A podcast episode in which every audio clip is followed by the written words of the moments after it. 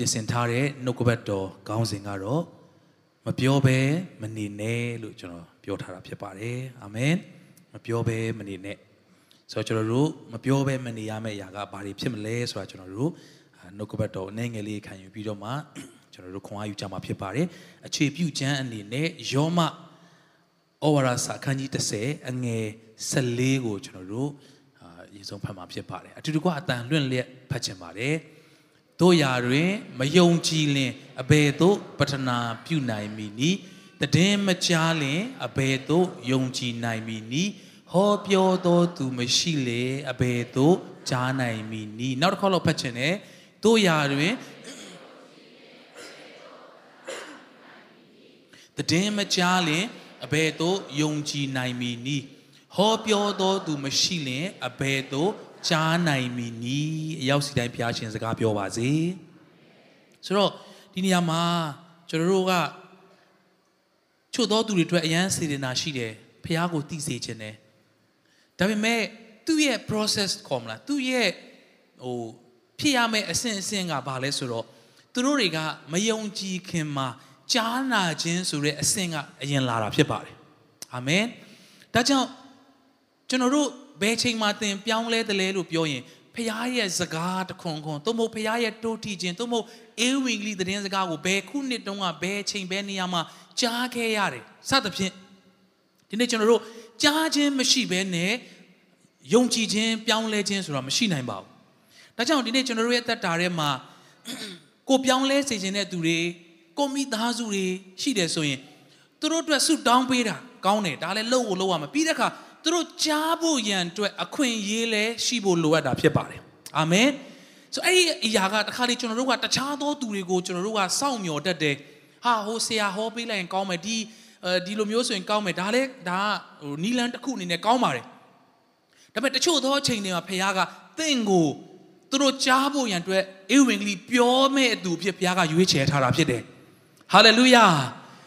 ထိုကဲ့သို့ဖခင်ရွေးချယ်ခြင်းကို အကောင့်ထဲပေါ်နိုင်သောသူများဖြစ်ဖို့ဘုရားရှင်ကောင်းကြီးပေးပါစေ။ဒါကြောင့်မယုံကြည်ဘူးဆိုရင်ဘယ်လိုမျိုးဆုတောင်းနိုင်မလဲပထနာပြုနိုင်မလဲ။ယုံကြည်တဲ့သူကပဲအဲ့လိုလုပ်မှာ။ဒါပေမဲ့တည်င်းမကြဘူးဆိုရင်ရောဘယ်လိုယုံနိုင်မှာလဲ။ယုံနိုင်မှာလဲတဲ့။အဲ့လိုမျိုးယုံနိုင်ဖို့ရအတွက်ကြားနိုင်ဖို့ရအတွက်ဟောပြောသူမရှိရင်လဲဘယ်လိုကြားနိုင်မလဲတဲ့။ဒီ process ဒီအဆင့်ဆင့်အဲ့ဒါတွေကိုကျွန်တော်တို့သိမှပဲဒီနေ့ကျွန်တော်တို့ရဲ့အသက်တာထဲမှာ ထိရောက်တဲ့သင်ရဲ့မိသားစုပြောင်းလဲဖို့ရန်အတွက်ဘုရားကအလုံးလုံးမှာဖြစ်ပါတယ်ဟာလေလုယာဟာလေလုယာဒါကြောင့်เนาะကျွန်တော်တို့ဒီအရာကိုဒီနေ့မှာနှလုံးသွင်းဖို့ရန်အတွက်ဖြစ်ပါတယ်ဆိုတော့ကဘာမှာเนาะဒီချိန်မှာတော့ Google မှာခောက်လိုက်အကုန်လုံးသိရပါတယ်ဆိုတော့ဟိုကျွန်တော်ကြည့်တဲ့အခါမှာတစ်စက္ကန့်မှာလူဘယ်နှယောက်မွေးဖွားတယ်လို့ကျွန်တော်တို့သိထားကြတယ်လည်းမသိဘူး။ဒါခုနှစ်လိုက်လေအပြောင်းလဲရှိနိုင်တာဟုတ် နော်တစ်စက္ကန့်မှာကျွန်တော်ကြည့်တဲ့အရာကျွန်တော်ကြည့်တဲ့ဒီမှတ်တမ်းကမှန်တယ်ဆိုရင်ပေါ့လေဆိုတော့2021ခုနှစ်ကမှတ်တမ်းအရစစ်တမ်းအရဆိုရင်တစ်စက္ကန့်မှာအာလူ4.4ရာခိုင်နှုန်းမွေးဖွားတယ်အကြမ်းပြင်းအဖြစ်4ယောက်လောက်မွေးရလို့ပြောလို့ရနော်ကျွန်တော်တို့တစ်စက္ကန့်ဆိုတာနော်တစ်စက္ကန့်ဆိုတကယ်ကိုမြန်တယ်နော်ဘာမှမဟုတ်ဘူးသူတို့ခံစားရဒါပေမဲ့အဲ့ဒီတစ်စက္ကန့်မှာ နော်ကျွန်တော်စက္ကန့်ဆိုရင်ဘယ်လောက်ရှိမလဲ1 2 3အဲ့လောက်ပဲလေဆိုတော့1ဆိုရယ်တစ်စက္ကန့်မှာ၄ယောက်မွေးဖွားသွားတယ်ဟုတ်ပြီဒါဆိုရင်တစ်စက္ကန့်မှာရောလူဘယ်နှယောက်လောက်သေဆုံးနေတယ်လို့သင်စဉ်းစားဘူးရဲ့လားအာလူတွေအများကြီးပဲเนาะတော်တော်နဲ့မသေးကြဘူးထင်ပါတယ်เนาะမြို့ထဲသွားလဲလူတွေအများကြီးပဲเนาะဆိုတော့သေခြင်းကရေဝေးရောက်မှပဲเนาะသေသေတဲ့အကြောင်းနဲ့စဉ်းစားမိတယ်လို့ဖြစ်တာ ကဘာမှာ2021ခုနှစ်ဝန်းကျင်ကအမှတ်တမ်းအရ1.8ခမန်းချေတစ်စက္ကန့်ကို2ယောက်လောက်အခုကျွန်တော်ပြောတဲ့အချိန်မှာဘယ်နှစက္ကန့်ရှိသွားပြီလဲအဲ့ဒီစက္ကန့်တိုင်းမှာလူ2ယောက်ကသေဆုံးနေတယ်ဆိုတာသင်စဉ်းစားမိရဲ့လားတစ်စက္ကန့်တော့အခုပြောနေရင်လည်းပဲနောက်ထပ်10နဲ့ချီသောယာနဲ့ချီသောသူတွေကလောကတွေကထွက်ခွာသွားနေတယ်အဲ့ဒီသူတွေကယေရှုကို ယုံအောင်သင်မလုပ်နိုင်ပါဘူးကျွန်တော်မလုပ်နိုင်ဘူးဒါပေမဲ့ယေရှုကသူတို့ကိုအယံချစ်ကြောင်းပြောဖို့ရန်အတွက်သင်တဲ့ကျွန်တော်မှာတာဝန်ရှိတယ်ဆိုမှမေးဖို့ဘုရားရှင်ကောင်းကြီးပေးပါစေသင်ကိုဘုရားကအဲ့အတွက်အလိုရှိတာဖြစ်တယ်ဟာလေလုယာလက်ခုပ်တီးလက်ယုံကြည်ခြင်းနဲ့အတည်ပြုရအောင်အာမင်အနာမှာရှိသူချင်းချင်းပြုံးပြုံးလေးနဲ့တို့မှာတာဝန်ရှိတယ်နော်လို့ပြောရအောင်အာမင်တစ်စက္ကန့်တိုင်းမှာနှစ်ယောက်နှစ်ယောက်နှစ်ယောက်လောကကြီးတွေကထွက်ခွာသွားနေတယ် ဘယ်နှစ်ယောက်ကယေရှုကိုမယုံကြည်ဘဲနဲ့များလောကတွေကထွက်ခွာသွားနေလဲဆိုတာသင်တကယ်စဉ်းစားလိုက်ရင်သင်မငိုဘဲနဲ့မျက်ရည်အလိုလိုကျလာလိမ့်မယ်မိတ်ဆွေထို့ထက်ပို၍သင်ချစ်သောသူတွေတကယ်ယေရှုကြောင့်ကြားပြီးပြီလားတကယ်ယေရှုကိုသူတို့သိရပြီလားခုနပြောသလိုကျွန်တော်တို့ယုံအောင်အတင်းလုပ်လို့မရပါဘူးဒါပေမဲ့ပြောနိုင်သောအခွင့်ကိုတော့ဘုရားကကျွန်တော်တို့ကိုပေးထားတာဖြစ်ပါတယ်အာမင် ဒါကြောင့်ကျွန်တော်တို့အသက်တာထဲမှာမပြောဘဲမနေရမယ့်အထဲမှာဖခင်ရဲ့ချစ်ချင်းမြတ်တာဖြစ်တယ်ဟာလေလုယာမပြောဘဲမနေရမယ့်အရာကဖခင်ရဲ့တည်င်းကောင်းဖြစ်ပါတယ်ဟာလေလုယာသင်ဒီယေရှုကိုတကယ်ရတယ်ထိုယေရှုရတဲ့အရာရဲ့နော်အနှစ်သာရကိုသိသွားတဲ့အခါမှာသူတို့ကိုဘယ်တော့မှမပြောဘဲနဲ့မနေနိုင်ဘူးမချစ်ရင်တော့တမျိုးပေါ့နော်ဆရာတွေလည်းနော်ဟာတာတွေအမျိုးမျိုးရှိတဲ့ခါနော်ဘယ်သူပြောလဲဆိုတော့ကျွန်တော်မမမျိုးဒါပေမဲ့တယောက်က ပြောဘူးတယ်ချို့တွေကြတော့လေဟာအေးဝီလီလာပြောတယ်တဲ့ဆရာတယောက်ကလာပြောတဲ့ခါမှာအရန်ခွန်အားရသူတို့ပြောင်းလဲသွားတယ်ဒါနဲ့သူတို့အိမ်ဘေးနားပတ်ဝန်းကျင်ကိုအဲ့ဆရာကအိမ်အိမ်နီးနားချင်းကိုပါဆရာတရားဟောဖို့သွားလှုပ်တဲ့ခါမှာဆရာသူတို့တော့မပြောနဲ့တဲ့အေးဝီလီအကြောင်းဟာဘာလို့လဲသူတို့ကဲတင်ချင်းရပြီးတော့မှပြောင်းလဲသွားရင်ကောင်းကင်မှာပြန်တွေ့နေမှာစိုးလို့တဲ့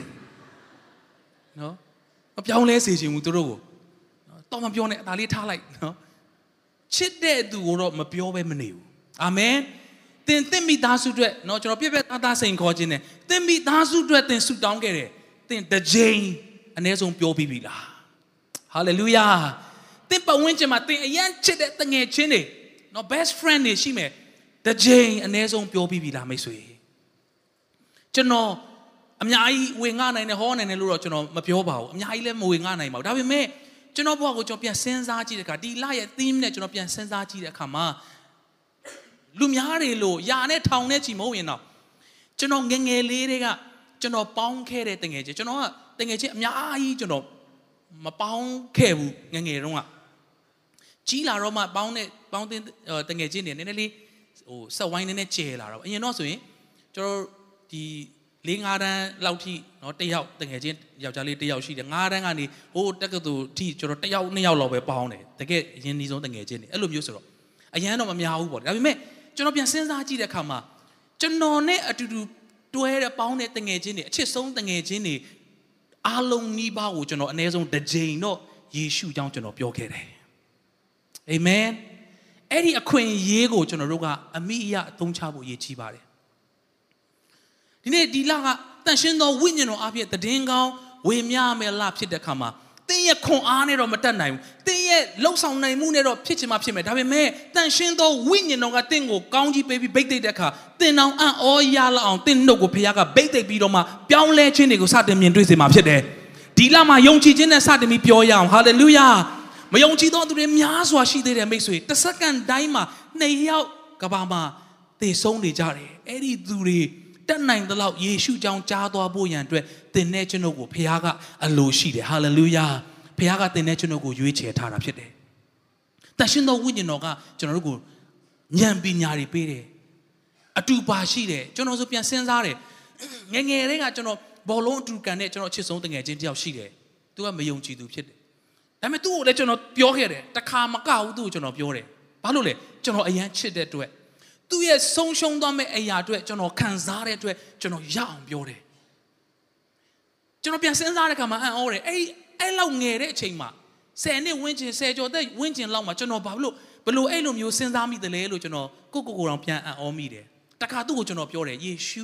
အသက်ရှင်တဲ့ဘုရားဖြစ်တယ်မင်းရဲ့အပြစ်တွေအတွက်အသေးခံတဲ့ဘုရားဖြစ်တယ်မင်းကိုကယ်တင်တဲ့ဘုရားဖြစ်တယ်ပြောတဲ့ခါမှာ तू ကမင်းဖះလို့ပြောတဲ့ဟာကငါမှမမြင်ဘူးတာ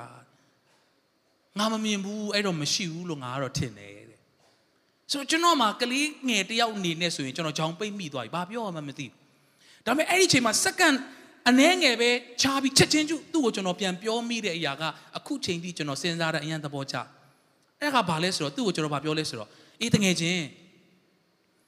ဟုတ်ပြီဒါဆိုရင်မင်းမမြင်ဘူးတာကိုဒီဆိုရင်မရှိဘူးလို့မင်းသတ်မှတ်တယ်ဆိုရင်မင်းရဲ့အဖိုးကိုမင်းမြင်ဘူးလားမင်းအဖေရဲ့အဖေသူပြောတယ်မြင်ဘူးတယ်တဲ့အခုလည်းရှိတယ်အသက်ရှင်သေးတယ် ဟုတ်ပြီဒါဆိုရင်အဲ့ဒီမင်းအဖိုးရဲ့အဖေကိုရောမင်းမြင်ဘူးလားလို့ပြောတော့မြင်ဘူးတယ်တဲ့ဓာတ်ပုံထဲမှာအပြင်မှာတော့မမီလိုက်ဘူးတဲ့သူကတော့ဆုံးသွားပြီဆိုတော့မမြင်ဟုတ်ပြီအဲ့ဆိုအဲ့ဒီအဖိုးရဲ့အဖေရဲ့အဖိုးကိုရောမင်းမြင်ဘူးလားလို့ပြောတော့သူခေါင်းစကုတ်အေးမမြင်ဘူးတဲ့အဲ့ဒါဆိုတေချာစဉ်းစားအောင်မရှိတာလားမသိဘူးနော်လို့ပြောတော့သူဟာရှိတယ်လေတေချာတယ်ရှိတယ်တဲ့ ဟုတ်လို့လားလို့မင်းမြင်မမမြင်ဘူးလားလို့အဲ့ဒီတော့ကဓာတ်ပုံတွေကလည်းခင်မစားသေးတော့ဓာတ်ပုံလည်းမရှိဘူးတဲ့သူအဖိုးရအဖိုးအဘိုးတွေကြသူနာမည်တော့မသိတော့ဘူးအဲ့ဆိုမရှိတာဖြစ်မယ်နော်လို့ပြောတော့မဟုတ်ဘူးရှိတယ်တဲ့အေးအဲ့ဒီလိုပဲလောကမှာမမြင်ဘူးတဲ့အရာအလုံးကမရှိဘူးလို့လုံးဝပြောလို့မရဘူးဒီဖျားဆိုတာလေအဲ့လိုပဲလို့ကျွန်တော်ကလေးငယ်အရွယ်လေးနဲ့သူ့ကိုရှင်းပြတဲ့အခါသူတော်တော်လေးစဉ်းစားသွားတယ် သူ့ရဲ့ပြောင်းလဲခြင်းပြောင်းလဲခြင်းကတော့ကျွန်တော်မတက်နိုင်ဘူးသို့တော့ဒီနေ့ယေရှုကတင့်ကိုချစ်တော်ဖျားဖြစ်တယ်ဆိုတာကိုတော့ဒီနေ့ဒီနေရာကနေပြောကြားလိုပါတယ်အာမင်ဒီထဲမှာရှိတော်သူများတော်၎င်း online ကနေကြည့်ရှုနေတဲ့သူများတော်၎င်းသင်မြည်ဆန်းကြည့်ပါထိုယေရှုဖျားကအသက်ရှင်တော်ဖျားဖြစ်တယ်သင်ရဲ့ပြစ်အားလုံးကိုကယ်တင်တော်ဖျားဖြစ်တယ်သင်မတတ်နိုင်သောအရာတွေကိုညီမဆတော်ယေရှုဖျားဖြစ်ပါတယ်သင်ရဲ့ခန္ဓာစိတ်ဝိညာဉ်ကိုကယ်တင်သောအလုံးစုံကယ်တင်မဲ့ယေရှုခရစ်တော်ဖြစ်ပါတယ်ဟာလေလုယာတို့ယေရှုပြောင်းလက်ခုပ်တီးလက်ကျွန်တော်တို့ဂုဏ်ပြုကြရအောင်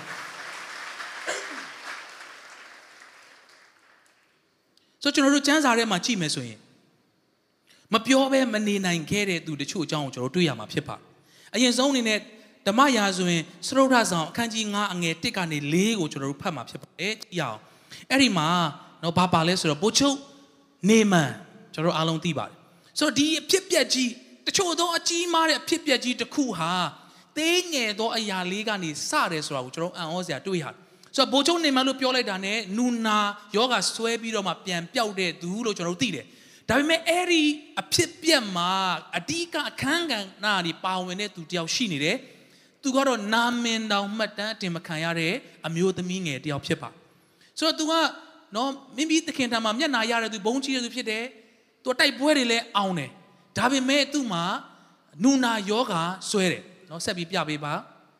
ဆိုတော့ तू ကခွန်အားကြီးတဲ့စစ်သူရဲ့ဖြစ်တယ်ဒါပေမဲ့နူနာဆွဲတယ်အငယ်နှစ်မှာရှုရီလူတို့ကအလိုလျောက်တက်ဖွဲ့ပြီးခြီသွားစဉ်တွင်ဣသရေလပြည်မှာဖမ်းခဲ့သောမိမငယ်တယောက်ဒီနေမိုင်းမယားထန်၌ကျွန်ခံရတယ်အဲ့ဒီအချိန်မှာကျွန်အမျိုးသမီးဖြစ်တယ်ထိုကျွန်မကလည်းကျမသခင်ဒီရှမာရိမြို့၌ရှိသော prophet ထံသို့ရောက်ပါစေသောထို prophet ဒီသခင်၌ဆွဲသောနူနာကိုပျောက်စေလိမ့်မည်ဟုမိမိသခင်မအားဆို၏ နေမန်ဒီမိမိရှင်ထံသို့ဝင်၍ဣသရေလအမျိုးမိန်းမငယ်စကားကိုပြန်လျှောက်၏စဉ်းစားကြည့်ဘယင်တွေအထိရောက်မဲ့စကားကိုစလာတာကနာမည်တော်မှတ်တမ်းတင်မခံရတဲ့ကျွန်မလေးကနေအစားပြုလာတာဖြစ်တယ်ကိုယ့်အခြေအနေကိုကြည့်ပြီးတော့မှပြောရမယ်ဆိုရင်သူဒီပြောစရာအကြောင်းမရှိဘူးကျွန်ဆိုတာက complaint တက်လို့လည်းမရဘူးသွားပြီးတော့မှအကြံဉာဏ်တွေလည်းရှောက်ပေးလို့မရဘူးသူတို့ခိုင်းတဲ့အတိုင်းသူတို့ကြွေးတဲ့အတိုင်းသူတို့နေခိုင်းတဲ့အတိုင်းနေရတဲ့အခြေအနေမှာရှိတယ်ဒါပေမဲ့ဒီအမျိုးသမီးက ဖျားတတ်နိုင်တယ်ဆိုတာဒီထဲမှာအရန်ခံစားတဲ့အတွက်မပြောဘဲမနေနိုင်ဘူးသူကအာမင်ဒီတက်တက်တာထဲမှာတကယ်တက်သေးရလာပြီဆိုသင်ဟာမပြောဘဲနဲ့မနေနိုင်သောအသူတယောက်ဖြစ်လာလိမ့်မယ်အာမင်ဟာလေလုယာထိုကဲ့သို့ဖြစ်ဖို့ရန်အတွက်တက်သေးပေါင်းများစွာရတော်သူအမိသားစုဖြစ်ဖို့ရန်အတွက်ဘုရားရှင်ကောင်းကြီးပေးပါစေ2024မှာဒီလမှာအာရပါရတက်သေးခံကြရအောင်ဟာလေလုယာတက်သေးပေါင်းကဝင်းရံသောမိသားစုဖြစ်ဖို့ဘုရားရှင်ကောင်းကြီးပေးပါစေသူတခင်ကဒုက္ခရောက်နေပြီ ခက်တီတီနဲ့ပိုချုပ်ဝစ်စုံတွေဝစ်ထားတယ်ဒါပေမဲ့နူနာယောဂါကဖုံးဖိလို့မရဘူးတဖြည်းဖြည်းနဲ့ပိုဆိုးလာတော့မယ်ကြာရင်မြို့အပြင်မှာတက်တက်တယောက်တည်းသွားနေရတော့မယ်အဲ့ဒီအချိန်မှာကျွန်အမျိုးသမီးလေးကသခင်မကျမရဲ့သခင်ဟာကျမတို့တိုင်းပြည်ဣသရေလပြည်မှာရှိတဲ့ဖះလူစီကိုရောက်ရင်တော့ဖះကတတ်နိုင်တယ်ဖះကသူ့အားဖြင့်ယောဂပျောက်မယ်ဆိုတာတည်င်းကောင်းပြောကြတယ်ဒီနေ့တည်င်းကောင်းလို့ပြောတဲ့အခါမှာ နော်အသက်သခင်ကယ်တင်ရှင်ဖြစ်ကယ်တင်သောအရှင်လည်းဖြစ်တယ်လို့ဒီနေ့တမလွန်အတွက်ပဲတာဝန်ယူနိုင်တဲ့ဖခင်မဟုတ်ဘဲနဲ့ယခုဘဝနောင်ဘဝတာဝန်ယူနိုင်သောဖခင်ဖြစ်ပါတယ်အာမင်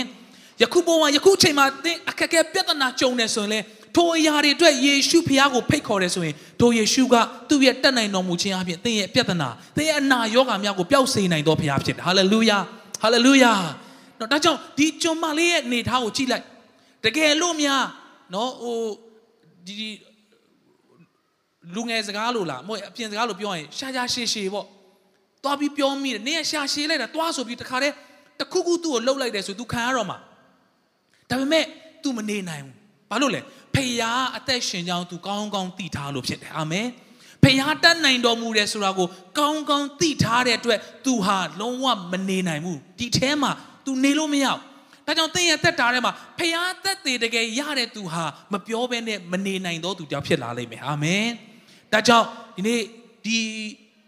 အမျိုးသမီးလေးကမနေနိုင်ဘူးပြောတဲ့အခါမှာအဲ့ဒီစကားကသူ့သခင်မစီကနေသူ့ရဲ့သခင်ဘိုလ်ချုပ်နေမန်စီရောက်တယ်ဘိုလ်ချုပ်နေမန်ကနေပြီးတော့မှသူ့ရဲ့နော်အရှင်သခင်ဘယင်ကြီးစီတီရောက်သွားတဲ့စကားအစပြုခြင်းဟာဘာမှမဟုတ်ဘူးလို့ပြောလို့ရတဲ့ဒီကျွန်မလေးကနေအစပြုတဲ့စကားဖြစ်ပါတယ်ဒီနေ့သင်ပြီးသားစုရဲ့ပြောင်းလဲခြင်းအတွက် သင်ပြောလိုက်တဲ့စကားတခွန်းလေးကတစ်ချိန်မှာကြီးမားစွာအလုပ်လုပ်လာမှာဖြစ်ပါတယ်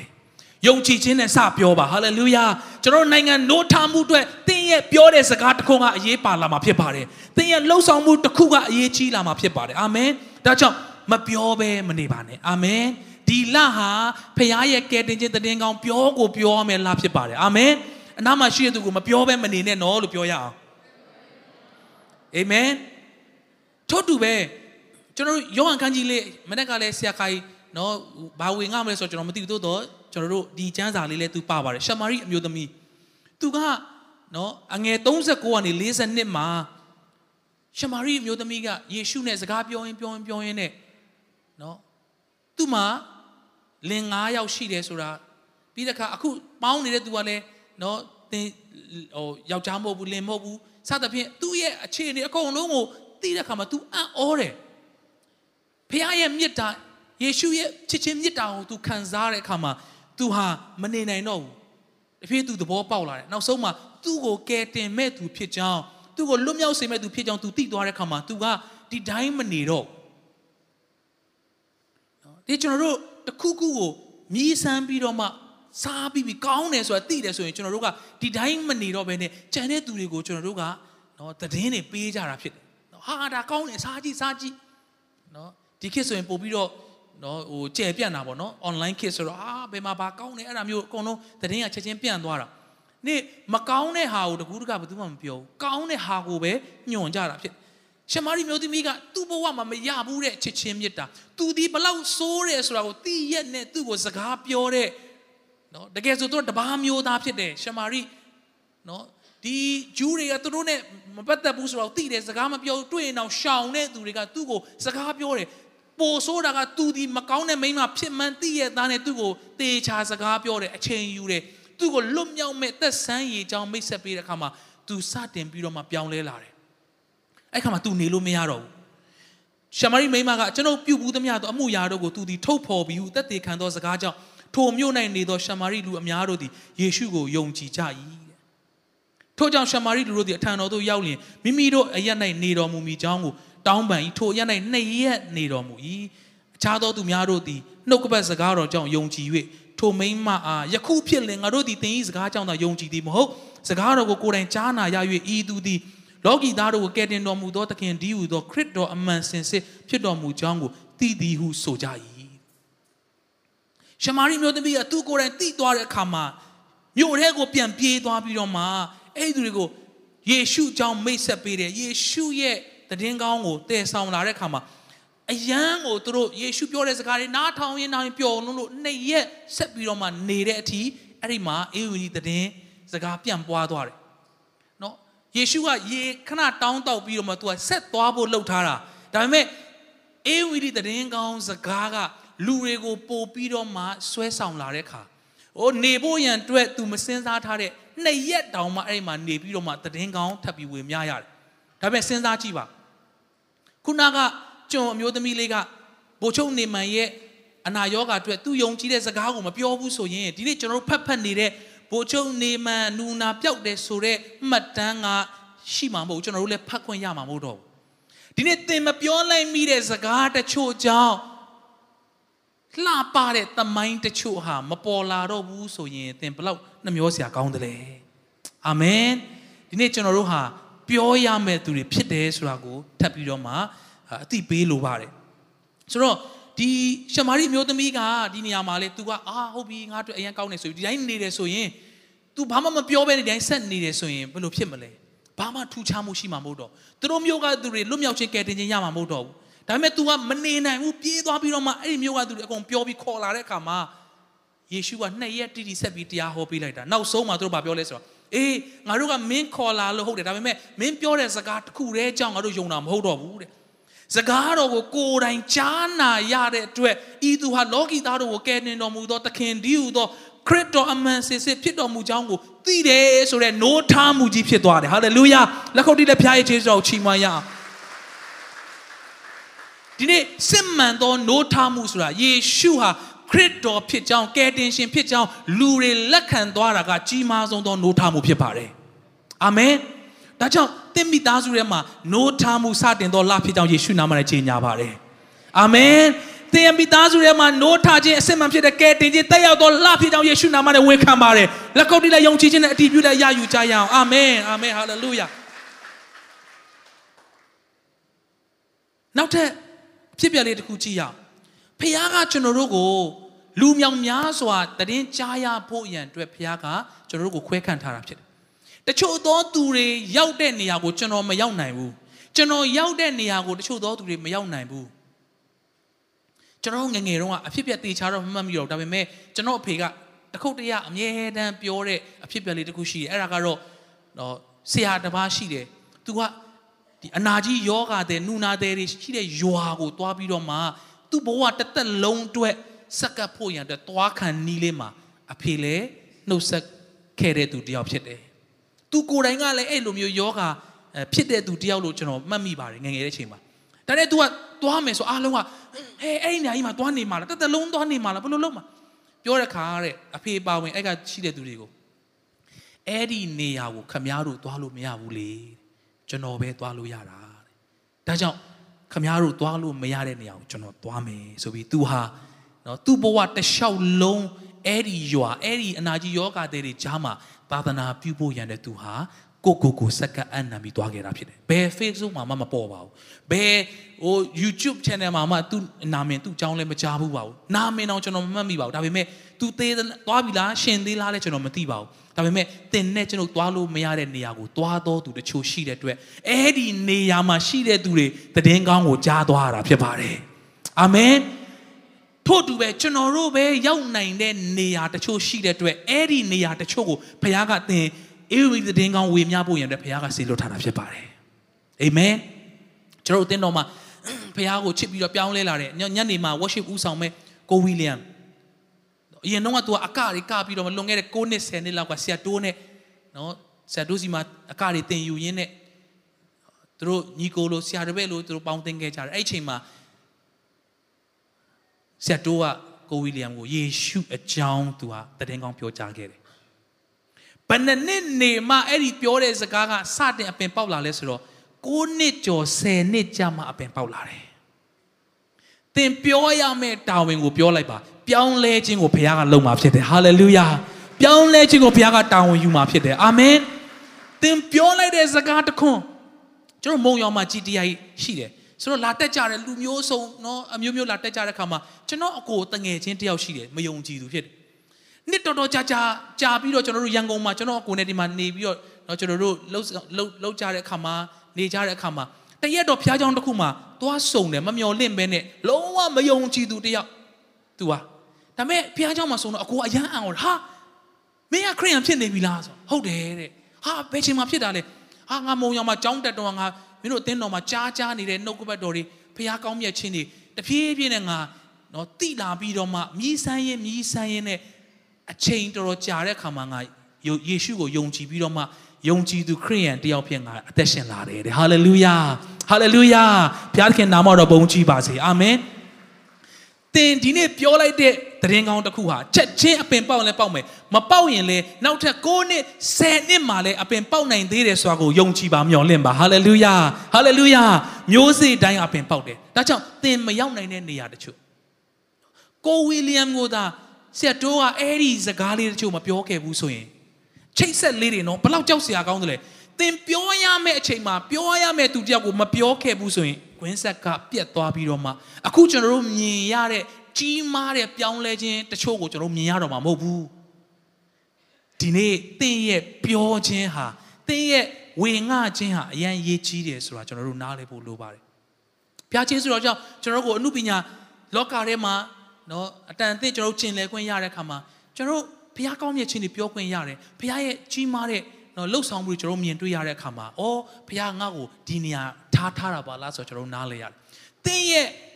ရောက်ရှိနေတဲ့နေရာသင်ရဲ့အလုပ်ငန်းသင်ရဲ့ရောက်ရှိတဲ့နိုင်ငံသင်နေတဲ့ပတ်ဝန်းကျင်မှာသင်အားဖြင့်အ ਨੇ ဆုံးတော့လူတွေတယောက်ကတော့ဒီလမှာဖခင်ရဲ့အေဝံဂေလိသတင်းကောင်းကြားရမယ်လို့သင်ဆုံးဖြတ်ပါဟာလေလုယာဒီလသင်ရဲ့ နော်အသက်တာတွေကနေစီးထွက်လာတဲ့တက်သေးခံချက်လေးတစ်ခုကြောင့်သင်ရဲ့အသက်ရှင်မှုပုံစံလေးတစ်ခုကြောင့်ကြီးမားစွာဘုရားကအလုပ်လုပ်မယ်ဆိုတာလုံးဝယုံကြည်ပါကျမ်းစာထဲမှာကြည့်မယ်ဆိုရင်လူအမျိုးမျိုးဘုရားကပုံစံအမျိုးမျိုးအသုံးပြုခဲ့တယ်အဲ့ဒီထက်မှာတမန်တော်ကြီးရှင်ပေါလုသူဟာတကယ်ကိုကျမ်းတက်ဖာရိရှဲငယ်စဉ်ကတည်းကကြက်တဲစွာယူဒာတို့ထုံးစံကိုလိုက်ခဲ့တဲ့ဖယားကိုအသေးယုံတဲ့သူတယောက်ဖြစ်တယ်ဆိုတော့တစ်ချိန်မှာယေရှုယေရှုပေါ်လာတော့ဘယ်ကယေရှုလဲ ဟာငါတို့ကဘာသာကိုအရန်ကိုင်းဆိုင်တာဒီဘာသာဖျက်ဆီးမဲ့သူဆိုပြီးတော့ तू ကခရိယန်တွေယေရှုနောက်လိုက်တဲ့သူကိုတတ်တဲ့အထိ तू ဟာဘာသာတရားကိုတင်းကျပ်စွာလိုက်နာပြီးတော့မှလှုပ်ဆောင်တော်သူဖြစ်တယ်ဒါပေမဲ့တစ်ချိန်မှာယေရှုဟာသူ့ရဲ့ကယ်တင်ရှင်ဖြစ်ကြောင်းကိုသူဒီနားလေသဘောပေါက်သွားတဲ့အခါမှာသူ့ကိုတဲ့နော်ဒီတကယ်ကိုလူတွေမရောက်နိုင်တဲ့နေရာမျိုးရှင်ဘရင်တွေအထိ အေဝံဂေလိတရားပြောဖို့ရတဲ့ရွေးချယ်ထားတာဖြစ်တယ်။ဘယ်မှာတွေ့ရလဲဆိုတော့တမန်တော်ခန်းကြီး26အငယ်26ကနေ29မှာအဂရိပမင်းကြီးနဲ့သူကဆုံတွေ့ရတယ်။နော်ဇလန်ကတော့အသေးစိတ်မပြောတော့ तू ကဖမ်းခံရတယ်အဲ့ခါမှာ तू ကကဲတာဘရင်ထံမှာအယူခံဝင်ဖို့ तू ကတောင်းဆိုတယ်။ဆိုတော့စစ်ကြည့်တဲ့ခါမှာလည်းဘာပြစ်မှမရှိဘူးဆိုတော့သူ့ကိုဘလို့လှုပ်လှုပ်လှုပ်မှမသိဘူးဖြစ်နေတဲ့အချိန်မှာအဂရိပမင်းကြီးကသူနဲ့လာပြီးတော့တွေ့တာဖြစ်တယ်။အဲ့ဒီခါမှာဤယာများကိုအဂရိပမင်းကြီးသိတော်မူ၏တဲ့ ထိုမင်းရှေ့တော်၌အကျွန်ုပ်အတိလင်းရှောက်ဝင်ပါ၏ဤအမှုရာတစုံတစ်ခုအမြမင်းကြီးမသိဘဲနေတော်မမူဟုအကျွန်ုပ်ထင်ပါ၏အကြောင်းမူကားဤအမှုသည်စိတ်ကြွယ်ရာရက်၌ပြုသောအမှုမဟုတ်ပါအိုအဂရိပမင်းကြီးကိုတော်သည်အနာဂတ်ကျမ်းစာကိုယုံတော်မူသလောယုံတော်မူသည်ကိုကျွန်ုပ်သိပါသည်ဟုရှောက်၏အဂရိပမင်းကလည်းတင်သည်ဖျားယောင်းသွေးဆောင်သောအဖြစ်ငါသည်ခရိယန်ဖြစ်လူပြီဟုပေါလုအားပြောဆိုလင်ပေါလုကကိုရောမဆ၍ယနေ့တွင်ကျွန်ုပ်၏စကားကိုကြားတော်သူပေါင်းတို့သည်ဤတန်ကြိုးကိုထား၍အကျွန်ုပ်ကဲ့သို့သောသူဖြစ်လူသည်တာမက လုံးလုံးဖြစ်စေခြင်းကဘုရားသခင်ကိုအကျွန်ုပ်ဆုတောင်းပါသည်ဟုလျှောက်လေ၏တဲ့အဂရိပမင်းကြီးအထီးကိုတခြားသောတပည့်တော်တွေကတခြားသောတမန်တော်တွေကအေဝံဂေလိသတင်းကောင်းပြောခွင့်မရခဲ့ဘူးဒါပေမဲ့တမန်တော်ကြီးရှင်ပေါလုကတော့ပြောခွင့်ရခဲ့တယ်ဒီနေ့သင်ကိုဖျားတွေးစေတဲ့သူတချို့ဟာတခြားသောသူတွေနဲ့မတွေ့နိုင်တဲ့သူတချို့ဖြစ်တယ်ဆိုတာကိုနားလည်ပြီးတော့မှဒီသင်နဲ့ထိတွေ့ဆက်ဆံတဲ့သူတွေကိုသင် ချစ်ပြီးတော့မှသူတို့ဆုံးရှုံးမဲ့အရာကိုနားလည်သွားတယ်တကယ်သူတို့တော့ပြုတ်ကြမဲ့အရာတခုရှိနေဆိုသူတို့ကိုချစ်တယ်ဆိုမပြောဘဲမနေဘူးဒီလိုပဲသင်နဲ့ကျွန်တော်တက်တာထဲမှာကိုရောဖျားရဲ့ကယ်တင်ခြင်းတည်င်းကောင်းကိုကျွန်တော်မပြောဘဲမနေနိုင်တဲ့အထိသင်ဟာဖျားရဲ့ကယ်တင်ခြင်းတန်ဖိုးဖျားရဲ့လွတ်မြောက်စေနိုင်သောတကိုးတော်ရဲ့တန်ဖိုးကိုသိပြီးတော့မှအော်ငါကဲ့သို့သူတို့လည်းလွတ်မြောက်စေခြင်းလိုက်တာငါကဲ့သို့သူတို့လည်းကောင်းကြီးရစေခြင်းလိုက်တာဆိုပြီးတော့မှလွတ်မြောက်စေခြင်းနဲ့နှလုံးသားနဲ့ ဒီလမှာကျွန်တော်တို့ကပတ်ဝန်းကျင်မှာကျွန်တော်တို့နဲ့ထိတွေ့တဲ့သူတွေကိုကျွန်တော်တို့ကတည်င်းကောင်းဝေမျှဖို့ရန်အတွက်အကောင်းဆုံးချိန်ဖြစ်ပါတယ်။ဘာလို့လဲဆိုတော့သင်ဟာထိုအရာအတွက်ဖခင်ကအလိုရှိပြီးတော့မှထိုအရာအတွက်ဖခင်ကသင်ကိုခေါ်ထားတာဖြစ်တဲ့အတွက်သင်ရဲ့ပတ်ဝန်းကျင်မှာသင်ဟာအင်္ဂလိပ်တရားကိုစပြောတော်သူဖြစ်ဖို့အရေးကြီးပါတယ်။အာမင်။အာမင်။ဟာလေလုယာ။အနာမရှိပြောရအောင်ကိုယ်တာဝန်ကိုသိဖို့လိုတယ်လို့ပြောရအောင်အနာမရှိရသူ။အာမင်။တခါလေကြာရင်ကျွန်တော်တို့ နော်ကိုနဲ့မဆိုင်သလိုနေတဲ့အခါမှာကျွန်တော်တို့မပြောမိတော့ဘူးကျွန်တော်တို့မလုံမိတော့ဘူးကျွန်တော်တို့နော်ဟိုဒီအိမ်မဲ့ခက်ကင်းကင်းလေးနေမိကြတယ်ဒါပေမဲ့ကျွန်တော်တို့ငငယ်တော့ဆိုရင်နော်ဆန်နေစုကမ်တွေလုပ်တဲ့အခါမှာဖခင်ကကလေးတွေကိုယူပါယုံပေးပြီးတော့မှအာကျွန်တော်တို့ကိုယ်တိုင်လည်းမြင်ခဲ့ဘူးတယ်နော်အာတကယ်ကိုဟိုငရဲထဲမှာမယုံကြည်ပြီးတော့မှရောက်သွားတဲ့သူတွေမြင်ရတဲ့ကလေးတွေဟာကြီးလာတဲ့တစ်ချိန်မှာအမှုတော်ဆောင်တွေဖြစ်လာတယ်ဘာလို့လဲအဲ့ဒီနော် ဝမ်းနေတဲ့နှလုံးသားအော်လူတွေဖះကိုမသိလို့ဆုံးရှုံးနေကြတာပါလားဆိုတော့အဲ့ဒီနှလုံးသားရလာတဲ့ခါမှာအဲ့ဒီနှလုံးသားနဲ့ဖះတို့သူတို့တက်ရှင်လာတယ်အေဝီလီဆရာတွေဖြစ်လာတယ်ဖះအသုံးပြုတဲ့သူတွေများစွာဖြစ်လာတယ်ဆိုတော့လည်းကျွန်တော်တို့တွေ့ရတယ်ဒါကြောင့်သင်တယောက်တည်းလွတ်မြောက်ဖို့သင်တယောက်တည်းကောင်းကြီးခံစားဖို့ဖះလိုတော့မရှိဘူးသင်ရရှိတဲ့အရာတွေကိုခြားသောသူတွေကိုလည်းဝေမျှဖို့ရတဲ့အရေးကြီးပါတယ်ဆိုတော့မနေ့ကဆက်စုပြောသွားတဲ့အထက်မှာလည်းအာ နည်းငယ်လေးပါတယ်ဒါကတော့ဓမ္မရာဇဝင်စရုပ်ထားဆောင်အခန်းကြီး9ငယ်3ကနေ7ထဲမှာပါတဲ့အရာဖြစ်တယ်ကျွန်တော်အသေးစိတ်တစ်ကြောင်းချင်းဖတ်ချင်မှဖတ်မယ်ဆိုတော့နူနာနော်လူနူ၄ယောက်အကြောင်းဖြစ်တယ်သူတို့ကမြို့ထဲမှာလည်းနေလို့မရဘူးသူတို့ကမြို့ပြင်ထုတ်ခံရတယ်ဆိုတော့သူတို့ကဒီတိုင်းနေရင်လည်းသေတော့မယ်ဘာလို့လဲဆိုတော့သူတို့လာကျွေးတဲ့သူလည်းမရှိဘူးဆိုတော့မြို့ထဲဝင်လည်းအဝင်မခံဝင်လည်းမထူနော်အစာရေစာခေါင်းပါနေတဲ့အချိန်ဆိုတော့ဒါနဲ့နောက်ဆုံးသူတို့ဘာလုပ်လဲဆိုတော့ငါတို့ဘာလို့ဒီမှာထိုင်နေမလဲတဲ့ မြို့ထဲကိုဝင်ရင်လည်းအစာခေါင်းပါတဲ့ကြောင့်သေရမယ်ပြီးတဲ့အခါနူနာဖြစ်တဲ့အခါမှာခက်ကင်းကင်းနေရတယ်ဒါပေမဲ့ဤရက်နဲ့ထိုင်ရင်လည်းသေရမယ်တဲ့အဲ့ကြောင့်ရှူရီတက်ကိုသွားရအောင်တဲ့စကားပြေးနဲ့ပြောမယ်ဆိုရင်သူတို့အသက်ရှင်စေတယ်ဆိုငါတို့ရှင်မယ်သူတို့တတ်မယ်ဆိုရင်ငါတို့အသေးသေမှာပေါ့ဒါပေမဲ့ငါတို့ထိုင်နေတာထက်တော့ငါတို့သွားကြည့်ရအောင်ဒီတင့်သက်တာထဲမှာဘာမှတော့မလုပ်ရသေးဘူးအာမဖြစ်တော့ပါဘူးမဖြစ်နိုင်တော့ပါဘူးဘာမှထူးမှာမဟုတ်ဘူးဆိုပြီးထိုင်နေတဲ့သူများ ဒီနေ့ကစပြီးတော့မှစတင်မတည့်ရက်သောအချိန်ကာလရောက်လာပြီဖြစ်တယ်ဟာလေလုယာဟာလေလုယာအင်္ဂလိပ်တရားအတွက်ကျွန်တော်စတင်မတည့်ရက်ကြရအောင်အာမင်အင်္ဂလိပ်သတင်းကောင်းအတွက်ကျွန်တော်စတင်ပြီးတော့မှရှိတဲ့ခွန်အားနဲ့ကျွန်တော်မတည့်ရက်ကြရအောင်အာမင်သူတို့အင်အားရှိလုံးလို့မဟုတ်ဘူးကြမ်းမာလုံးလို့မဟုတ်ဘူးသူတို့အာစာရေးစာဝါလင်နေလုံးလို့မဟုတ်ဘူးဒါပေမဲ့သူတို့ဒီမှာထိုင်နေတော့မဖြစ်တော့ဘူးငါတို့ထမယ် ဒီတင့်မိသားစုပြောင်းလဲဖို့ရန်အတွက်ဘာပဲဖြစ်ဖြစ်ငါစပြီးတော့မှခြေလန်းလှမ်းတော့မယ်လို့စတင်ဆုံးဖြတ်ပါဘုရားရှင်ကဒီလမှာကြီးမားစွာအလုပ်လုပ်လာမှာဖြစ်တယ်ဒီနှစ်မှာကြီးမားစွာအလုပ်လုပ်လာမှာဖြစ်တယ်ဟာလေလုယာအဲ့ခါမှာသူတို့တက်ဦးကိုရောက်တဲ့ခါမှာဘသူ့ကိုမှမတွေ့ဘူးတဲ့ဘာလို့လဲဆိုတော့เนาะကျွန်တော်တို့ကြော်ပြီးပြောရမယ်ဆိုရင်သူတို့လာတဲ့ခြေတံတွေကတကက်မြင်းစည်းတကက်ကိုเนาะဟိုထောင်နဲ့တောင်းနဲ့ခြီတဲ့သူတွေလာတယ်လို့ထင်ပြီးတော့ရန်သူတွေအကုန်ထွက်ပြေးသွားတာဆိုတော့အဲ့ဒီခါမှာတဲ့ ညင်းတွေမြီးတွေတစ်တက်လုံးကိုစွန့်ပစ်ပြီးတော့မှသူတို့ကကိုယ်သက်လွန်အောင်ပြေးကြတဲ့အခါမှာသူတို့ရောက်တဲ့အခါမှာရွှေငွေတွေအဝတ်တစားတွေအငယ်ရှစ်မှာနော်ပြီးတော့တဲတစ်ခုပြီးတစ်ခုဝင်ပြီးတော့ဥစ္စာတွေယူပြီးတော့ဝတ်ထားကြသူတို့လည်းအာရပါရဟာရွှေတွေရောစားစရာတွေရောရွှေငွေတွေရောအကုန်လုံးယူထားကြတယ်ဒါနဲ့အငယ်ကိုးမှာတို့ရတွေငါတို့ဒီကောင်းစွာမပြုပါတကားယခုနေ့ဒီကောင်းသောသတင်းကိုကြားပြောရသောနေ့ဖြစ်လျက်ငါတို့ဒီမကြားမပြောဘဲနေပါပြီတကားယခုနေ့ဟာ အာမင်ဟာလေလုယာကျွန်တော်တော့လည်းဆိုစေခြင်းနဲ့ယခုနေ့သည်ကောင်းသောသတင်းကိုကြားပြောရသောနေ့ဖြစ်လျက်ငါတို့သည်မကြားမပြောဘဲနေပါပြီတကားနော်ဘာလို့လဲဆိုတော့တစ်ဖက်မှာအယံစာရေးစာခေါင်းပါပြီးတော့မသေကန်ကြီးဖြစ်နေတဲ့ချိန်မှာဒီသတင်းကောင်းကိုမှငါတို့ဒီချိန်မှမပြောရင်ဘယ်ချိန်မှပြောရမှာလဲလို့သူတို့နားလည်သွားတယ်အာမင်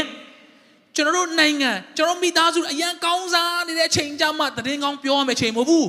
ခက်ခဲကြမ်းတမ်းပြီးလူတိုင်းရုန်းကန်နေရတဲ့အချိန်မှာသင်ဟာသတင်းကောင်းစပြောဖို့ရန်အတွက်ဘုရားကသင်ကိုရွေးချယ်ထားတာဖြစ်တယ်ဟာလေလုယာဟာလေလုယာလက်ခုပ်တီးလက်ဘုရားကိုချီးမွမ်းရအောင်အာမင်ဒါကြောင့်ပဝင်းကျင်ကခက်ခဲနေတဲ့အချိန်မှာသင်ဟာသတင်းကောင်းကိုပြောတော်သူဖြစ်ဘုရားကသင်ကိုခွဲခံထားတယ်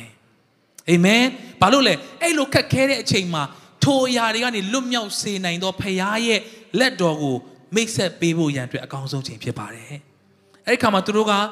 ဒါဆိုရင်နဲ့နော်မိုးလင်းသည့်တိုင်အောင်မပြောဘဲနေလေအမှုတစုံတစ်ခုရောက်လိမ့်မယ်။တို့ဖြစ်ဖြစ်နန်းတော်၌သတင်းကြားပြောအံ့တော်ငါတို့ဒီသွားကြကုန်အံ့ဟုတိုင်ပင်ပြီးမှမြို့တို့သွားပြီးတကားပြင်းနဲ့ဟစ်ခေါ်လဲငါတို့ဒီရှုရိတက်တို့ရောက်ပြီးအဘဲသူကိုမျှမတွေ့လူတန်ကိုမကြမြင်းမြီးတို့ကိုချီနှောင်လဲတဲများလဲတက်တိုင်းရှိသည်ကိုတွေ့ပါယူကြားပြောသည့်တိုင်းတကဆောင်တို့ဒီတယောက်ကိုတယောက်ဟိ၍ထိုသတင်းသည်နန်းတော်ထဲသို့ရောက်လေ၏စဉ်းစားကြည့် နန်းတော်ထဲကိုရောက်မဲ့စကားအစာပြုလာတာကလူနူ၄ယောက်ကနေစလာတာဟာလေလုယာသင်ပြောတဲ့စကားကနိုင်ငံတစ်ခုလုံးပြောင်းလဲဖို့ရန်အတွက်ထိရောက်ပါမလားလို့သင်ထင်နေတဲ့အချိန်မှာဆုံးရှုံးသွားလိမ့်မယ်မပြောမိရင်ဒီနေ့သင်စပြီးတော့မှပြောဖို့ဆုံးဖြတ်ပါနန်းတော်ထဲဒီသင်ပြောတဲ့စကားရောက်သွားမှာဖြစ်တယ် ဒီရင်တင်စပြောလိုက်ပါတနိုင်ငံလုံးကိုပါကယ်တင်ခြင်းတက်ရောက်ဖို့ရတဲ့အတွက်အစပြုဖို့ဘုရားကသင်ကိုကောင်းကြီးပေးပိတ်သိမ့်မှာဖြစ်တယ်ဟာလေလုယာလက်ခုပ်တီးလက်ဖျားရဲ့ခြေစွမ်းကအပ်ပါချီးမွမ်းရအောင်အာမင်ဒါကြောင့်ကျွန်တော်တို့မပြောဘဲမနေသောသူတွေဖြစ်ဖို့ရန်အတွက်အရေးကြီးပါတယ်သင်တကယ်ချစ်တယ်ဆိုရင်ချစ်သောသူတွေကိုသင်ပြောမှာဖြစ်ပါတယ်သင်တကယ်ကယ်တင်ခြင်းလွတ်မြောက်ခြင်းခံစားရတယ်ဆိုရင်ထိုကယ်တင်ခြင်းကိုသင်ဒီတိုင်းနေမှာမဟုတ်ဘူးခြားသောသူတွေကိုသင်ပြောမှာဖြစ်တယ် ရှင်မာကုကန်းကြီးခွန်ငယ်35 36မှာယေရှုကနော်ဒီစကားမပြောနိုင်တဲ့သူတယောက်ကိုသူကလွတ်ချင်းခွင့်ပေးလိုက်တဲ့အခါမှာထိုခဏချင်းတွင်သူသည်နားပွင့်ခြင်းရှာကြောလွတ်ခြင်းရှိသဖြင့်စကားပြပြီးပြောနိုင်၏ထိုအကြောင်းကိုအဘယ်သူအားမျှမပြောစေခြင်းကသူတို့ကိုပြည့်ညတ်တော်မူ၏ပြည့်ညတ်တော်မူတော်လေသူတို့သည်တာ၍အလွန်သတင်းကြားပြောကြ၏တကယ် နော်မနေနိုင်မထိုင်နိုင်ကိုပြောခြင်းနဲ့မနေ့ကဆက်ခိုင်လည်းပြောသလိုပေါ့အဖြစ်အပျက်တစ်ခုရှိတဲ့ခါမှာမမေးရင်တောင်ပြောခြင်းတဲ့အနေအထားဖြစ်လာမမေးရင်တောင်ရှင်းပြခြင်းနဲ့မိတ်ဆက်ပေးခြင်းတဲ့အနေအထားဖြစ်လာတယ်ဒီလူတွေကယေရှုကဟေးအခုဖြစ်တဲ့နမိတ်လက္ခဏာဘယ်သူမှသွားမပြောနဲ့နော်ပြောတဲ့ခါမှာသူတို့ကမပြောနဲ့လို့ပြောထားပေမဲ့တာ၍အလွန်တည်င်းကြားပြောကြတယ်တာ၍တောင်ပြောသေးတယ်ဘာလို့လဲသူတို့တကယ်မြင်တွေ့ရတဲ့ဖခင်ရဲ့ကောင်းမြတ်ခြင်းကိုသူတို့မနေနိုင်ဘူးသူတို့ဆက်ပြီးပြောတာဖြစ်တယ် ဒီကျွန်တော်တို့သက်တာမှာဖခင်ရဲ့ကောင်းမြတ်ခြင်းသင်တကယ်ခံစားပြီးဆိုရင်ထိုအရာတွေကိုဖခင်ကိုနော်လူတွေနဲ့မိတ်ဆက်ပေးဖို့ရန်တဲ့ကျွန်တော်တို့ကဆက်ပြီးပြောဖို့ရန်အတွက်ဖြစ်ပါတယ်သင်ဟာငယ်သေးတယ်လို့ကိုယ့်ကိုယ်မစင်စားပါနဲ့သင်ဟာမစုံလင်ဘူးလို့သင်ကိုယ်သင်မစင်စားပါနဲ့သင်ဟာဘာမှမပြောတတ်ဘူးလို့သင်ကိုယ်သင်မစင်စားပါနဲ့သင်ရဲ့နှုတ်ကိုဖခင်ကအမိန်ပေးပြီးတော့သင်ရဲ့နှုတ်ကိုဖခင်ကဗိတ်သိပ်ပြီးတော့မှကောင်းကြီးပေးတဲ့အခါမှာဘယ်တော့မှမပြောင်းလဲဘူးတဲ့သူတွေဟာ ဘယ်တော့မှပြောင်းလဲမယ်လို့မထင်ထားတဲ့သူတွေပြောင်းလဲမဲ့အချိန်ကကျွန်တော်တို့မြန်မာနိုင်ငံမှာစတင်နေပြီဖြစ်ပါတယ်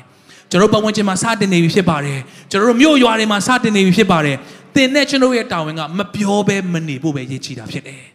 အာမင်ဘာကိုပြောမလဲထိုကယ်တင်ခြင်းအကြောင်းကိုကျွန်တော်ပြောမယ်ထိုကဲ့သို့ပြောဖို့ရန်အတွက်သင်ဟာတကယ်ကိုထိုကယ်တင်ခြင်းကိုရရှိခံစားတော်သူဖြစ်ဖို့ရည်ချီတယ်ထိုအနည်းရတာကိုတကယ်ရရှိတော်သူဖြစ်တယ်ဆိုရင် တင့်ပတ်ဝန်းကျင်မှာတင့်မိသားစုထဲမှာတင်နေထိုင်တဲ့ပတ်ဝန်းကျင်မှာတင်ဟာမပြောဘဲနဲ့နေမှာမဟုတ်တော့ဘူး။နေဒီလမှာဆောင်ပုတ်တိုင်းကျွန်တော်တို့ဖခင်ရဲ့ဗိတ်သိမ့်နဲ့ဖခင်ရဲ့အတူပါရှိခြင်းနဲ့ကျွန်တော်တို့ဘေးနားပတ်ဝန်းကျင်ကသူတွေကိုကျွန်တော်တို့ပြောချဖို့ရန်အတွက်ဖြစ်ပါတယ်။ကျွန်တော်ဆိုရင်ယေရှုတော်ကြောင့်ခုနအစမှာပြောခဲ့သလိုတော်တော်လေးငယ်တဲ့အချိန်မှာကျွန်တော်တနေရာမှာဒီတငယ်ချင်းတယောက်အိမ်မှာသွားအိမ်ရင်းနဲ့အဲ့မှာ အဲ့ပတ်ဝန်းကျင်နားမှာမယုံကြည်သူကလေးတွေအများကြီးရှိတယ်နော်ပြောရရင်ဒီအခုဟိုဟာတစီတီတင်းတော်ကဆရာတိုက်တက်ပေါ့ဒါကျွန်တော်တို့ငယ်တငယ်ချင်းတွေ9နှစ်10နှစ်လောက်ကလေးအတူပေါင်းခဲ့တဲ့သူတွေဖြစ်ပါတယ်ဆိုတော့သူတို့အိမ်မှာကျွန်တော်တခါလေးသွားရတယ်သူကကျွန်တော်စီတခါလေးလာအိတ်တယ်ဆိုတော့အဲ့နွေရာသီဆိုကျွန်တော်တို့လိုပဲသွားအိတ်ကြတာဒီတိုင်းပဲအိတ်ဖို့သွားရင်းနဲ့အဲ့နာကလေးတွေတွေ့တဲ့ခါကျွန်တော်မနေနိုင်ဘူးဟာဒီ ကလေးတွေကတချင်းတင်ပေးကောင်းမယ်ကျွန်တော်လည်းဂီတာတီးတက်ခါစားဆိုတော့9နှစ်10နှစ်လောက်အဲကျွန်တော်မနေနိုင်ဘူးစုပြီးတော့မှကလေးတွေကိုညတိုင်းကျွန်တော်တချင်းစတင်ပေးတယ်ဟာကလေးတွေ10ယောက်15ယောက်20 30 40များလာအဲ့မှာတရက်နောက်တရက်လဲကလေးတွေကအဲ့ညနေဆိုစုလာအောင်စုလာကျွန်တော်ဂီတာတီးပြီးတော့တချင်းတင်ပေးအဲနောက်နောက်တရက်နောက်တရက်ကလေး80လောက်ရှိလာရက်လို့မရတော့ညတိုင်းကလေးကလေးခရုစိတ်လို့ဖြစ်သွားတာ ဟာတညာပြီးညကျွန်တော်ချင်းနေဆိုတတ်တလောက်ပြောဟာမျက်ရည်နဲ့နော်ဖះเจ้าကြားတဲ့ခါမှာမျက်ရည်ကျပြီးတော့မှဆက်ကတဲ့သူနဲ့ကျွန်တော်တက်တက်တက်လို့ဆူတောင်းပေးတယ်တချင်းတွေတင်ပေးတယ်ရက်လို့မရတော့နောက်ဆုံးမှာအင်ရှင်တွေကအဖေတို့လမ်းပြောပြီးတော့မှဆရာတို့အသင်းတော်ကလိုက်လာမှရတော့မယ်ဒီမှာကလေးတွေနိုးထမှုဖြစ်နေပြီဒီမှာရက်လို့မရတော့ဘူးညာစွာကလေးတွေကနော်ဖះကိုယုံကြည်နေပြောတဲ့ခါမှာအသင်းတော်ကဆရာတွေကလိုက်လာပြီးတော့မှအဲ့ဒီနေရာမှာနော်အဲ့ဒီ ရက်ကွက်မှာအဲ့ဒီနေရာမှာလမ်းကိုပိတ်ပြီးတော့ကျွန်တော်တို့လှုပ်တဲ့ကလေးခရူစိတ်လေးကျွန်တော်ဘဝမှာမှတ်မှတ်ရရရှိခဲ့ဘူးတယ်အဲ့ဒီညတိုင်းမှာကျွန်တော်ဝင်ငှပြီးတော့မှများစွာသောသူတွေကဘုရားရဲ့ကောင်းမြတ်ကြောင်းကိုကြားခဲ့တာဖြစ်တယ်ဟာလေလုယာဟာလေလုယာကျွန်တော်ဒီစင်ပေါ်ရောက်မှကျွန်တော်ဟာဘုရားရဲ့ကောင်းမြတ်ခြင်းကိုစပြောတာမဟုတ်ဘူးဘာမှန်းတော့မသိသေးတဲ့ဂီတာတော့မနိုင်တနိုင်အရွယ်လေးမှာ ဖခင်ကကျွန်တော်ရဲ့နှုတ်ရှာပါဇက်ကိုအသုံးပြုခဲ့တယ်ကျွန်တော်ရဲ့အသက်ပညာတွေကိုအသုံးပြုခဲ့ပြီးတော့မှလူပေါင်းမြောက်များဆိုကျွန်တော်ယုံကြည်တယ်အဲ့ဒီတော့ကကြားခဲ့တဲ့ကလေးတချို့ဟာသူတို့တနေရာရောက်ပြီးမှလွန်ခဲ့တဲ့နောက်အနည်း20လောက်မှပြောင်းလဲနေတဲ့သူတချို့ရှိမယ်လို့ကျွန်တော်လုံးဝယုံကြည်တယ်ဟာလေလုယာဒီနေ့သင်ရဲ့သက်တာထဲမှာမပြောဘဲမနေဖို့ဒီကနေပြီးတော့မှထပ်ပြီးသိပေးခြင်းတယ်သင်ရဲ့တာဝန်ကဖခင်ရဲ့ချစ်ချင်းပြတာကိုပြောဖို့ဖြစ်တယ်သင်ရဲ့တာဝန်ကဖခင်ရဲ့သတင်းကောင်းကိုဝေမျှဖို့ဖြစ်တယ် ပြောင်းလဲဖို့ရန်အတွက်လုံမဲ့ဖခင်ကဒီနေ့ကျွန်တော်တို့နဲ့အတူရှိနေပြီဖြစ်တယ်အာမင်ဒါကြောင့်ဒီလမှာပြင်ဆင်ထားပါဒီနေ့ရက်ကာလမှာပြင်ဆင်ထားပါကောင်းသောသတင်းကိုပြောကြားဖို့ရန်အတွက်အချိန်ရောက်လာပြီဖြစ်ပါတယ်သင်ရဲ့နှုတ်ရှာပါဇက်ကိုဖခင်ကကောင်းကြီးပေးပါစေမပြောဘဲမနေနိုင်သောဖခင်ရဲ့စစ်တီများဖြစ်ဖို့ရန်အတွက်ဖခင်ရှိကောင်းကြီးပေးပါစေ